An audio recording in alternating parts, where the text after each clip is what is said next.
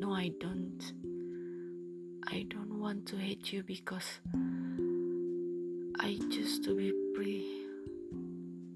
I don't waste my time because I hate you. No, I don't want to be sick when I hate. I don't want to get sick. So I let you go because you want it. It's like make you happy. I know it. I know you.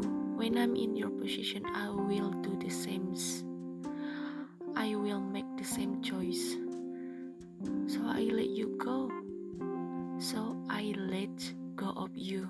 And I try hard to expect it for your happiness. Because I know when you stay with me, you get sick. I you sad or unhappy because of me. No, it's not love, but ego. So I let you go because I know, because I know it will save you from my ego. That's how, that's how I save you from my ego.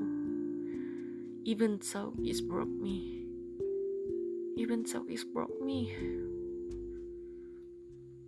So I try to take it well.